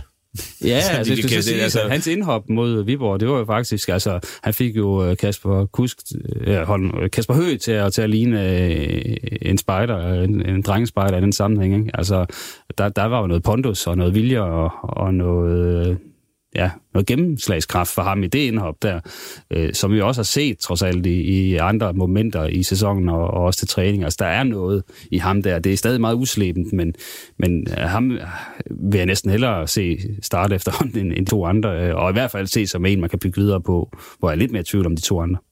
Men, men det er jo rigtigt, som Simon han siger. Altså, jeg synes, det er helt enig. Det, det er jo indiskutabelt, at OB har ikke en top 6 angriber øh, lige nu. Øh, og det, det tror jeg heller ikke. Øh, en menneske kan måske blive det på sigt. Jeg var selv meget begejstret. Claus og mig, vi stod i fire timer i, på Bros anlæg. Øh, ej, jeg, jeg var faktisk kun på halvdelen, så du, jeg kan ikke tage lige så meget som du kan, Claus. Hvor jeg synes, han, hvor jeg tænkte, det, det er da helt vildt et indhop, han laver. Han kunne mm. alle ting, og så har vi haft nogle reserveholdskampe i foråret og U19-kampene, hvor jeg har været mere i tvivl, mm. hvor jeg stadigvæk synes, der er et godt stykke vej. Så han, han kan måske blive det på sigt, men er det ikke nu, og de to andre er ikke top 6 angriber. Du lytter til Riposten. Lad os lukke OB-snakken ned med den offensive snak der med, med angriberne, og så øh, springe videre til de tre hold i første division, som vi har haft i Nordjylland i den her sæson, altså Hobro, Vendsyssel FF og så Jammerbugt FC. Altså hvis vi tager dem, øh, sådan, vi tager dem samlet i den her, i den her ja, i det her segment. Og øh, hvis vi lige skal se på sæsonens profiler i de tre klubber, hvem er det så været? Skal jeg starte der? Det må du gerne starte. Øh, jamen, øh, Hobro, øh, Mikkel Mejlstrup Pedersen, MP, jeg synes, han har været fremragende øh, over hele sæsonen. Hvis vi skal kigge på foråret, så Simon Jakobsen kan godt komme med den pulje. Han har virkelig også været dygtig. Øh, og Don Dieton slutter stærkt. Altså, der, har, der har været en masse gode historier dernede fra, så, så det er ikke så svært at finde profiler der. Øh, jeg synes måske, det er lidt svært, når vi kigger på de to andre hold. Øh, men Vendsyssel, øh, klart øh, en af dine tidligere drenge nede i, i Vejle, Lukas Jensen. Jeg synes, han har, øh, han har stået ud som en spiller, der har, har kunne gøre noget på egen hånd, men han har også... Øh, altså, han har været kampafgørende i flere sekvenser for, for, for Vendsyssel, så jeg synes, han har haft et, et stærkt forår. Øh, og øh, jamen, hvis, vi skal, hvis vi skal komme en ekstra ind, så, så er det måske Lukas Jonsson, som sådan over hele sæsonen har været, været stærkt spillende for dem. Øh, Kunate har vist det i glimt, men har også været fraværende i flere kampe her i foråret, så jeg synes, det er svært at hive ham op som det sted profil. Øh, og øh, så har vi vores venner op fra Jammerbugt. Ja. Øh, Sekou Bangora, synes jeg, er et, øh, et stjerneskud i den sammenhæng, fordi han har virkelig, øh, han har virkelig vist, at, at øh, øh, blandt alt det kul, som, øh, som er blevet hentet ind, øh, eller skrammel kan vi også kalde det, så er han en diamant. Øh, fordi han har virkelig øh, han har vist sig godt frem og vist, at der er noget mere niveau. Og jeg ved også, der er interesse for andre danske klubber på et højere niveau for ham nu. Øh, og ellers så vil jeg sige, at Diogo Pimentel også, ja. også var en god spiller deroppe. Jamen, du er ikke helt uh, tabt bag en, uh, Nej, det er faktisk, øh, det er, det er faktisk skarpt. Det, det er faktisk men, øh, mega skarpt. Men, men. Altså, jeg har også øh, skrevet Mikkel Meister Pedersen øh, på, på Hobro, altså på toppen af min liste der. Fem mål, skal vi lige huske at sige, han også har scoret. Altså, det er jo også øh, hans mest målfarlige sæson. Øh, så, så ja, og så er det jo en, kan man sige, en Hobro-dreng, ovenkøbet opvokset på Amerikavej, så, så det er også en, en fed case for dem. Øh, så kan man også sige, at så er der en, en, øh, en Elkær, som er kommet ind på holdet. Altså, nu fik de jo lidt øh, kritik da de stod frem og sagde, nu skal vi til at satse på vores egne drenge og så videre. Men det er jo så en spiller, de rent faktisk har fået implementeret på holdet, og, og som ser ligner, måske ligner en fast mand i den kommende sæson. Så, så kan man sige, det er også en positiv historie. Øh, hos Vendsyssel har jeg dog taget Timoko øh, Konaté på toppen, fordi jeg synes, med hans 10 mål, så, øh, så bliver man nødt til at sige, at han har været øh, ret afgørende for mange af deres point. Så ved jeg godt, at øh, han i nogle kampe har lignet en, der ikke rigtig øh, gad at være med. Øh, så, så de der pauser, øh, der kan man selvfølgelig begynde at kigge på, hvad kunne det så være blevet til, hvis han havde lignet en, der ville det 100% i alle 90 minutter alle kampe, øh, fordi med, med 10 mål, så, så har han jo alligevel været en kæmpe forskel for dem. Og så hos Jammerbugt, der har egentlig kigget på nogen, der sådan har spillet hele sæsonen for holdet, sådan, ud fra den betragtning og sagt, okay, er der nogen der? jamen det, det er der faktisk. Omar Natami har faktisk været på holdet hele sæsonen, og jeg synes jo egentlig, at han er en relativt boldfast, fornuftig midtbanespiller, spiller, der også har, har lavet en fire mål, så, så han kan jo også noget den vej. Så, så det er sådan en stabil spiller for dem, og det er jo nok til min verden til at, at blive sæsonens bedste. ja. Har du nogen, Jacob? Jamen, jeg har, jeg har jo heldigvis mange af de samme, så du ja. må have tre, der har, der har forstand på fodbold i studiet. Mm. Håber jeg i hvert fald. Æ, men jeg har også Mikkel fra, øh, fra Hobro, som jeg synes har været... Jeg synes også, han har haft en rigtig god attitude i de kampe, jeg har set, og her især i foråret har, har båret mig det hold frem. Øhm, så har jeg taget Brajanic med på foråret i hvert fald, som, som jeg tror har lavet otte mål kun i foråret. Man kan sige, har han været årets profil, og i hvert fald været en profil for dem her i foråret, og, og jo lukket det hø, eller hul ja, efter hø. God her. substitut for Kasper. God, god substitut, de har fundet der.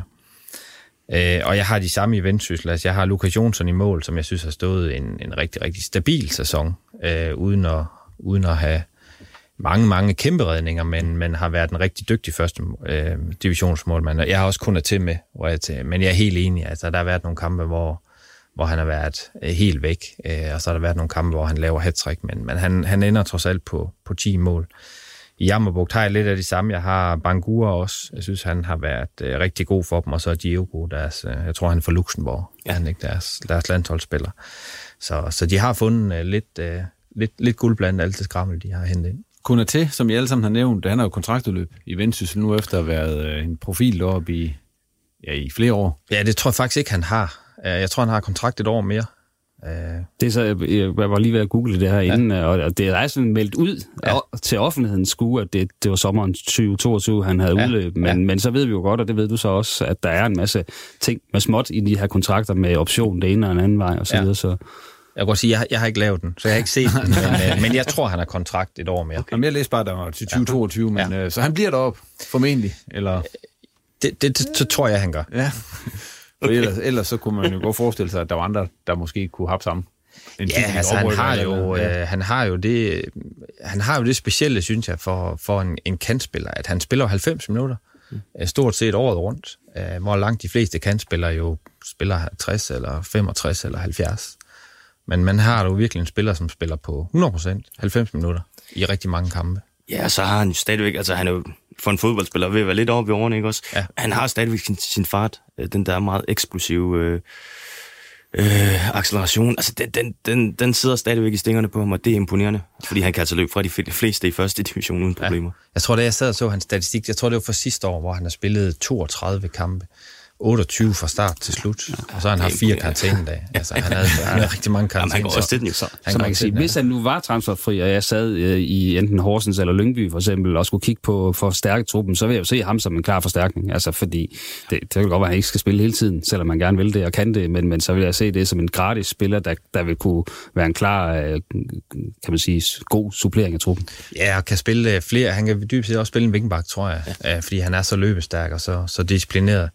Og så vil du typisk, når du sidder og kigger på en spiller, som er lidt oppe i alderen, så vil det jo være lidt betryggende, at han stort set aldrig er skadet, og han spiller fra start til slut. Spændende, man er i vendsyssel næste sæson. Det finder vi ud af. vi finder ud af, når de starter træningen op til den nye sæson, hvor lang kontrakten er. Ja. Øhm, hvis I sådan skal give de tre hold, nu, nu er vi inde på nogle af deres profiler, hvis I skal give dem bold, altså igen fra, fra 0 til 6 på den her nordiske skala, hvad, hvad vil I så ind på, på de, på, på de forskellige? Jamen, skal, skal, skal. Ja, ja, jeg får lov til at starte, okay. Ja. Øhm, jamen, Hobro, øh, de, de, får, øh, de får en, en træer, altså middel. Det gør de egentlig, fordi at øh, deres efterår var rigtig, rigtig dårligt. Øh, og deres forår så tilsvarende var rigtig godt. Øh, når ikke jeg hiver den op på fire, så er det mest fordi, at øh, de havde det her erklærede mål om top 18, altså top 6 i første division. Og det, det, det indfriede de ikke, så, så, så jeg kan ikke hive den op på mere end tre. Og øh, vendsyssel, der, der vagter jeg sådan lidt mellem to og tre. Men jeg ender også med at give dem tre, fordi at når man tænker tilbage på det kaos, som de øh, startede sæsonen ud i, så skal de alligevel have noget kredit for, at de fik samlet det sammen ret hurtigt, og så er de måske skuffet lidt i, i, i foråret, men, men, men sådan samlet set, så, så synes jeg godt. Aldrig rigtig presset. Altså aldrig den rigtige nej, i far for ud. Øh, og så har vi Jammerbugt. Jamen, altså, det, det, det er jo lidt forventet, at de ryger ned, men men så kan vi jo begynde at kigge på alt det, der er sket uden for banen, og gennemstrømningen af spillere og sådan noget. Så det, det, altså, jeg, jeg kan ikke give dem en, en bold. Det, det kan jeg ikke. Nej, men så, så er vi ikke helt på linje der, øh, og så alligevel måske lidt. Altså, jeg har faktisk overvejet fire bolde til Hobro, og hvorfor har jeg så det? Jamen, det var jo egentlig fordi, at øh, en ting er, hvad de selv havde af melding, men jeg tror, jeg stod her for et år siden og sagde, det kan blive rigtig, rigtig svært for Hobro i den kommende sæson. Øh, øh jeg synes, de har nogle spillere, der var ved at være op og over og nærme sig øh, sidste salgsdato. Øh, det var, jeg tror, det var Pedersen som Bøge og Tjørnlund, og for den sags skyld også øh, Simon Jakobsen, tror jeg, tog med i den pulje. Øh, så, så mine forventninger var ikke ret høje til Hobro. Jeg, jeg troede, de ville få problemer med at overleve simpelthen, og der kan man sige, der kiggede jeg så på efteråret, og så sagde jeg, der kan se, hvad jeg sagde. Men der må jeg så sige, at de så i den grad fik samlet tropperne, og også selvfølgelig øh, kredit til trænerteamet for det, og leveret et fremragende øh, forår, hvor de jo er bedst af alle stort set. Øhm, så, så i forhold til mine forventninger, så vil jeg sige, en 8. plads er jeg egentlig, synes jeg, der er de får det maksimale ud af det et eller andet sted, synes jeg. Øh, så der er jeg faktisk tæt på at hive den op på 4 ud af 6, hvis jeg nu skal tage ja-hatten på. Men synes jeg, vil jeg så gerne, til gengæld gerne gå ned på, på 2 ud af 6, ud fra, at ja, de fik en svær start, og de skulle stille med en ny træner og et nyt hold i løbet af no time, men jeg synes jo, at deres efterår var bedre end deres forår. Altså, jeg har set dem stagnere og, og simpelthen øh, være usammenhængende i meget af deres spil i foråret, og der burde det være gået den anden vej. Og ud fra den basis, øh, så, så tillader jeg mig at sige, at det, det er under middel. Og Jammerbugt, jamen øh, efteråret var jo egentlig fantastisk under Bo Sink, fordi allerede der skulle han implementere en masse nye spillere, men de lå over stregen på mirakuløs vis til efteråret, så det var jo nærmest 5 ud af 6 på det punkt. Men, men deres øh, forår, hvor de så smidt, kan man sige, hele deres øh, identitet og danske stamme væk og så videre, og Ja, men, men stadigvæk jo egentlig fået flere sejre, end jeg havde forventet. Så, så, så det er sådan lidt... Mm, øh, så er lige før, jeg godt kan hive den op på to ud af seks, selvom de rykker ud, fordi øh, de har egentlig fået flere point, end jeg har troet, både i efteråret og i foråret. Synes du stadigvæk, de er kloge at høre på de to andre? ja, jeg synes, det er, jeg synes, det er gode argumenter, men øh, altså, jeg, jeg tror også, jeg er tæt på at smide Hobro på, på, på fire ud af seks. Øh, jeg synes, de, jeg er helt enig med Simon, de havde et, et rigtig dårligt forår, lignede jo... Efterår. Efterår, ja, og lignede forholdsvis store nedrykningsfavoritter, og så har de jo spillet et forrygende, forrygende forår. Og jeg synes ikke, der så jeg har heller ikke så store forventninger til dem før sæsonen. Og synes ikke, deres økonomi er til, at de kan sigte ret meget højere end det, de gør. Så jeg, jeg er entaget også på, på 4 ud af 6 med Hobro. Øh, Vendsyssel er nok lidt mere på, på Simon. Jeg tror også, jeg giver dem jeg kører selvfølgelig Claus' argument, men jeg giver, tror også, jeg giver dem mere kredit for, at de havde øh, haft nogle rigtig turbulente sæsoner, øh, og, og den her sæson kom de sent i gang med. Øh, jeg tror, de kom nærmest i gang en to-tre uger efter de andre, uden træningskampe og uden træner nærmest, og med, med, med en ny øh, spillertrup. Øh, hvor, hvor, jeg, hvor jeg synes, de har hentet rigtig mange dygtige øh, spillere, som, som har bevist sig på, på højere hylde. Øh, så, så jeg, jeg synes, deres... Øh, Øh, de, de, og de jo trods alt, sådan som jeg husker det, var de den sidste kamp for ind i top 6. Havde de vundet den kamp, så var de kommet i top 6. Så øh, så, så jeg synes, det er sådan at acceptabelt for os. Jeg vil godt give dem et, et lille tretal. Man kan sige, det er sjældent, at der har været et, altså hvis man lige tager bort fra, fra alt det, der skete sidste sommer med, med CSC, så er det sjældent, der har været så meget ro omkring Vendsyssel, som der har været i løbet af den seneste sæson. I hvert fald i det seneste par år. Ja, lige præcis. Og så, jamen, så synes jeg også med Jammerbuk, men der vil jeg virkelig gerne dele den op i to. For jeg, jeg synes faktisk, på banen har de klaret det ganske udmærket, og det var et mirakel, at med, med det, de har at gøre med, at de kan ligge over stregen efter efterårssæsonen, og så få nogen sejre her i foråret, var egentlig også mere, end det, jeg har regnet med. Så, så jeg vil også godt snige dem på to bolde for, for det sportslige, og så synes jeg, vi skal give dem nul bolde uden for banen på den måde, de har, de har drevet klubben på. Og nu er de så, som I har også nævnt, rykket ned. Altså, hvad, øh, hvad er op og ned deroppe lige i øjeblikket? Altså, jeg kan se, at historien de fortsætter med at komme nu, der Jørgens busrejser efter, efter Claus Dieter, og de har spillet med spillere... De skal jo cykle til alle udkampene i den kommende sæson. Så, ja, ja, ja, de har spillet med elcykler, eller hvad? og de har spillet med spillere ned i den sidste kamp, som havde karantæne, og jeg ved, altså... Hvad, hvad, hvad, hvad er der i vente deroppe? Nu kan jeg også se, at hvis jeg skal fortsætte, så er der kommet en, en ejer mere med en tysker, som har skudt nogle penge i det, og, og så videre. Altså, det er en never-ending story. Puh, jeg tror, de, hvis man spurgte sådan uh, her i den sidste måneds tid, folk sådan i, i omegnen af klubben øh, og, og spurgte mig, så vil man nok sige, at jeg har svært ved at se, at, at uh, Claus Dieter Møller han fortsætter og kan få det her til økonomisk at hænge sammen, når han allerede nu har svært ved at finde til dagen og vejen, og så skal, skal lige pludselig operere med et anden divisionshold øh, og nærmest nul tv-penge og alt det her. Hvordan skal det overhovedet hænge sammen? Så jeg tror, de fleste, jeg selv inklusive, har sagt, at det, det falder fra hinanden, det der. Han er væk. Øh, men han agerer jo, hører vi, lidt øh, som om han ikke er væk. Altså forsøger at rekruttere det danske trænere, og øh, jeg snakker senest, øh, kunne jeg forstå, med, med, med Esbjergs øh, ledelse omkring, øh, hvordan skal vi håndtere den her nye sæson som, som anden divisionshold og så videre. Så, så, så, men så samtidig leder det til, at han stadigvæk ikke helt har pengene, så, så ja, jeg er faktisk lidt i tvivl om, hvad jeg skal tro på. Jeg kan også lige tilføje, at træneren siger også, at han, Nabil der, ja. Siger også, at han øh, overvejer stærkt sit fremtid i Jammerbuk FC. Altså, og jeg tror også, jeg kan afsløre, at nogle af de, de trænere, der har, danske trænere, der har fået budet om at komme derop, ikke lige har sagt ja i første omgang. Nej. Altså, hvad tænker de andre?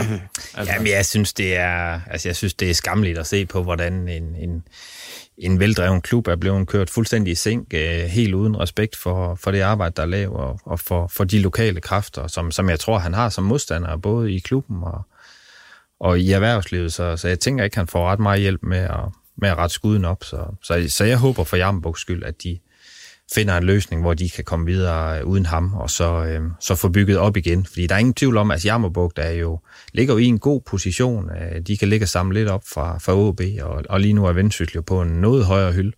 Så, så de vil kunne ligge sammen rigtig mange øh, talenter op, som, som vil have rigtig godt af at spille anden division. Så, så, så det håber jeg meget, at de, de får ham hyldet ud af vagten, og så kommer på lokal hænder igen. Det kan også være, at det hjælper lidt på, på sponsorbudgettet, for som jeg hører det, så er det mange af dem, der har været sponsor af Jammerbugt FC, har sagt, det skal vi ikke mere. Vi, vi går over til Jetsmark IF i stedet for at smide vores penge i, i moderklubben. Øh, så så det, det kan ende med at blive en meget stærk moderklub. Samlet set, så er der jo altså, Jeg tror, at altså det, det, vi kommer til at se her de kommende uger, det er, at øh, det stille og roligt begynder at falde endnu mere fra hinanden, hinanden end det allerede er. Øh, fordi at når det går op for Claus Dieter Møller, hvor mange penge det egentlig er, han mister i tv-penge, det tror jeg nemlig ikke, han er. Det er ret overbevist om, han faktisk ikke er klar over endnu. Han har ikke gjort det op. Øh, og når det går op for ham, øh, og så vi dertil ligger de der sponsorkroner, som nok også forsvinder ud af døren, jamen, så må han jo komme til den konklusion, at der er simpelthen ikke øh, fundament for at drive det her videre. Også fordi han har jo rent kontraktuelt, så har han jo sat sig i nogle forpligtelser, som, som er et godt stykke over det, som vi må forvente for et normalt anden divisionsbudget, så, så det hænger simpelthen ikke sammen for ham.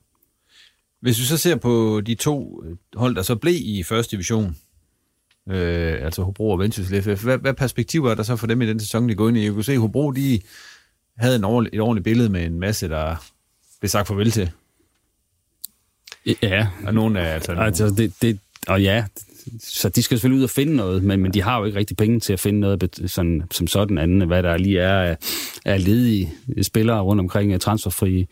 Øh, men har trods alt øh, en, en base her, som de kan ride videre på, øh, på, på baggrund af foråret, og Simon Jakobsen som, som en af lederne, der forhåbentlig kan fortsætte. Øh, så, så set i det lys, så forventer jeg egentlig, at de så kan, kan ride videre på det her, og, og, og kan man sige, etablere sig ikke i bunden, som de gjorde sidste gang, men, men være, lægge lidt afstand til bunden, men, men stadigvæk, øh, det, vi snakker ikke top 6, det kan jeg ikke se dem komme i nærheden af, specielt øh, det, men den konkurrence, der er fra Helsingør, Sønderjyske, Vejle, Fredericia, Nykøbing, Køge. Øh, nej, det handler for dem om overlevelse, men, men det tror jeg så også godt, de kan, øh, fordi de har, har noget at bygge videre på. Ja, for mange af profilerne bliver der jo af dem, der har været med til at bære det igennem. Ja, de skal ud og finde en, en angriber igen. Jeg sige, nu ved jeg ikke, hvad der sker med Brianats øh, i forhold til, om Horsens trækker ham hjem igen. Det kunne man jo godt forestille sig, at de gjorde. Øh, øh, eller om han har udløb, eller hvad han har. Det er faktisk ikke... Øh, her Hentede de ham ikke permanent? Jeg tænker også, de har... Ja, Bare det en permanent aftale? Ja, ja, ja, jeg stod og tænkte, det var en lejeaftale. Det er en længere aftale, så jeg, ja, okay. jeg, jeg mener, de har ham godt stykke ud i fremtiden. Tror jeg også, de har. Ja, mener, ja, men, i hvert fald to år Så fastholder jeg det, at sige, at de har, de har en fornuftig base, som de kan bygge videre på, øh, men det rækker ikke til top 6. Øh, ja, altså, jeg, jeg er lidt mere, jeg, jeg, altså, øh, jeg er lidt mere optimistisk, men også, også måske øh, uh, se de lyser af det her forår, hvor jeg siger, det er ikke meget, de skal ligge på, for at kunne, uh, lige pludselig kunne spille med omkring øh, top 6. Om de så kommer i top 6, det, det ved jeg ikke, men, men fundamentet er så stærkt, at, at øh, nu kan de begynde at koncentrere sig om at, at bygge ovenpå, i stedet for bare at skal reparere. Øh, og så er der også det, at øh, nogle af de spillere, der forsvinder nu, er nogle forestiller jeg mig i hvert fald nogle relativt løntunge spillere, fordi at der er nogle af dem, der kommer ned med Superliga-kontrakter, og så er man ved at have ryddet ud i det. Øh, sådan som jeg i hvert fald hørte, øh, så er Hobro et af de hold øh, i første division med det mindste lønbudget, som så samtidig kører det, vi kalder øh, fuldtids setup med formiddagstræning. Øh, jeg tror faktisk kun, det er, øh, er det Nykøbing, der måske har et øh, mindre budget, som så kører på samme måde, men ellers Ellers så er det, øh, altså det er sparsomt med pengene der, dernede, så, så man skal også huske på, at øh, Lars Justesen og Martin Thomsen, de skal, de skal langt der en trylle lidt med, med de midler, de har. Ja, ja, det skal de. Altså, jeg har dem med nogenlunde samme placering som Claus, og jeg tror også, de kommer til at ligge sådan et sted mellem 7 og 10. Øhm, jeg tror heller ikke, de kommer sådan i decideret nedrykningsfare, men jeg tror heller ikke, de kan komme i top 6, for det er rigtigt, som Simon siger, at de skal ud og finde en to-tre Brajanitser et eller andet sted, ikke lige på den position, men de skal finde nogen, som ikke lige er lykkes i en anden klub, som, som de kan se og få til at lykkes. Så, så, så tror jeg, de får en, en fin sæson, øh, ikke i top 6, men, men også uden for nedrykningsfare. Man skal også kigge lidt på de to hold, der kommer op, formentlig. Og øh, helt uden at kende det i bund, så er det jo Næstved, som er rykket op, ikke? Øh, som, som i hvert fald øh, bare er en stor fodboldby øh, og har rigtig mange tilskuere på første divisionsniveau. Så, så de kommer helt sikkert op og kommer til at blive godt fra sig. Jeg, jeg er noget mere i tvivl om, hvis det bliver hele rød, der bliver ja. den anden, om, om de har ret meget at skyde med. Men, men jeg tror, Hobro får en forholdsvis rolig sæson. Øh, ikke i top 6, men heller ikke helt tæt på nedrykningsstregen.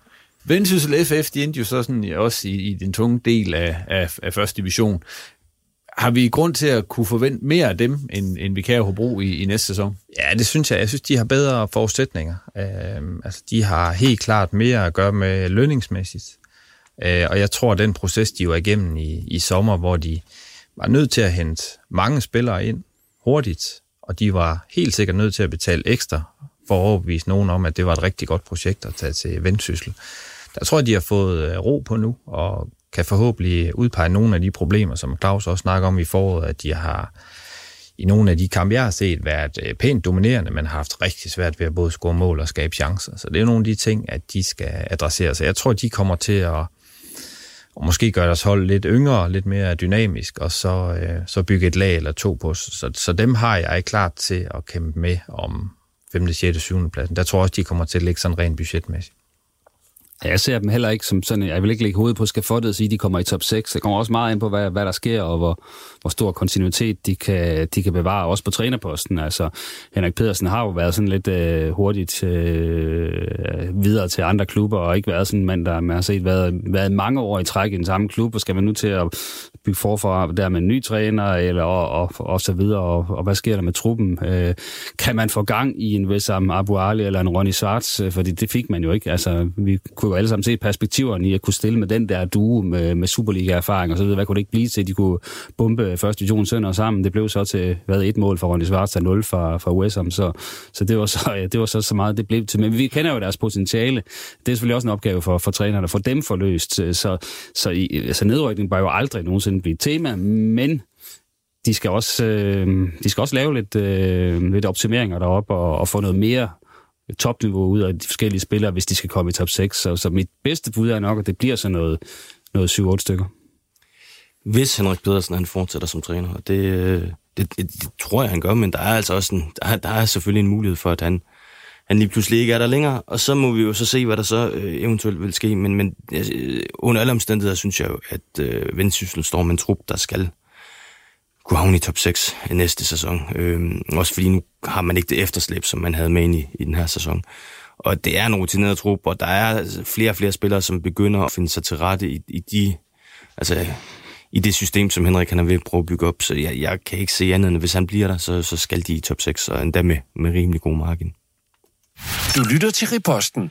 Og der lukker vi snakken om øh, de nordiske hold i første division, hvor det ene så rykkede ned i anden division. Og dermed, også, eller dermed er vi også nået frem til øh, de her tårhylder, som vi skal have, have fyret af. Den sidste runde i denne sæson. Hvem vil have lov til at starte?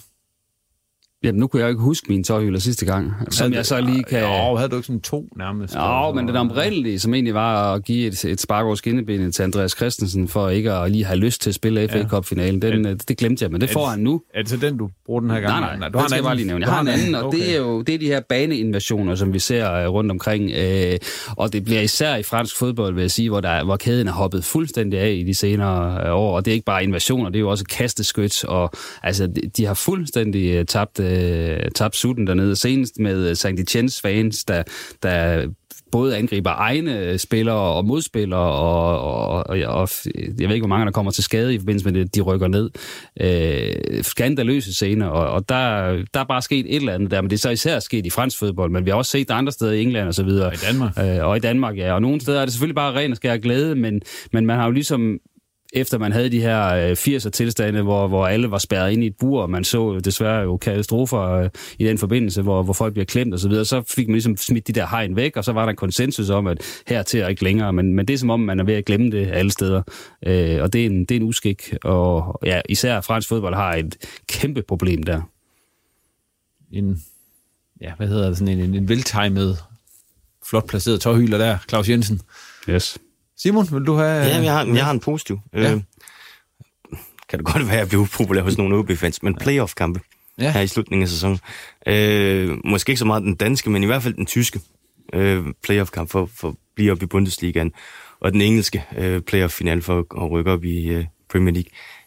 Altså, det, det er bare nogle super fede kampe. Øh, der er virkelig noget på spil, og det, det, der, det er sådan helt elektrisk. Jeg, jeg, altså, I forhold til alle de kampe, man når at få set på en sæson, så synes jeg jo, at de, her, de rangerer ekstremt højt, fordi der virkelig er alt sat på spidsen, så det, det, det er et fedt koncept. Og jeg Kry, du får lov til at affyre den øh, sidste tårhylder i den her sæson. Ja, jamen jeg er faktisk meget enig med Simon. Uh, man kan jo altid sidde bag ved at diskutere lidt retfærdighed. Nu er det lidt mere retfærdigt i Danmark over. Det var trods alt nummer 7 mod nummer 5, ikke? men det kunne nærmest have været nummer 3 mod 8. Øh, men, men, men for tilskuere og dem, der sidder derhjemme, er det bare en total fed, fed oplevelse, at, at man gerne vil se det her med, at der er et hold, der er jublende lykkelig, og nogen, der ligger grædende på banen. Og så havde jeg faktisk lige en mere, men det var fordi, jeg var inde i programmet sidste gang, Ja. øhm, hvor vi snakkede anmeldelse af film, tror jeg, Victory, Ja. øhm, det som var fantastisk. Og så der kan jeg huske, der blev sagt derinde, det tænker jeg mere over bagefter, Ja. at Simply the Best har været spillet på Aalborg Stadion i 20-30 år. Og så snakkede jeg lige med min gode ven Jimmy Nielsen i USA, og sagde, var der ikke noget med i 90'erne, at Børge Bak på et tidspunkt sagde, han er, jeg tror, han har været på Highbury og hørt en rigtig fed sang.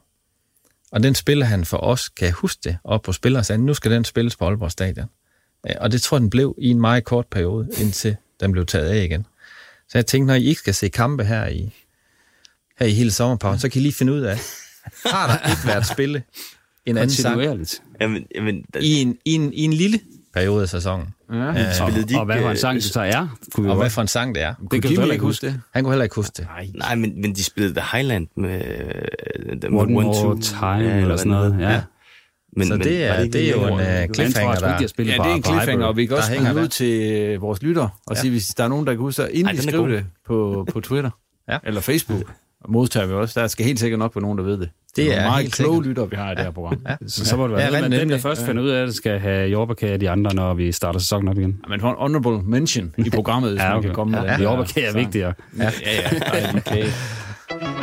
Yes, og med det der lukkede vi ned for endnu en sæson med Reposten. Tak til dagens gæster og alle dem, der har været med undervejs i løbet af sæsonen. Og ikke mindst til dig, fordi du har lyst til at lytte med. Nu holder vi lige en lille pause og lader op til en ny sæson, hvor vi selvfølgelig igen vil gå tæt på de højest rangerede hold i nordisk herrefodbold og holdenes profiler. Og du skal jo øvrigt huske at abonnere på Reposten i din foretrukne podcast-app, så er du sikker på at få det hele med.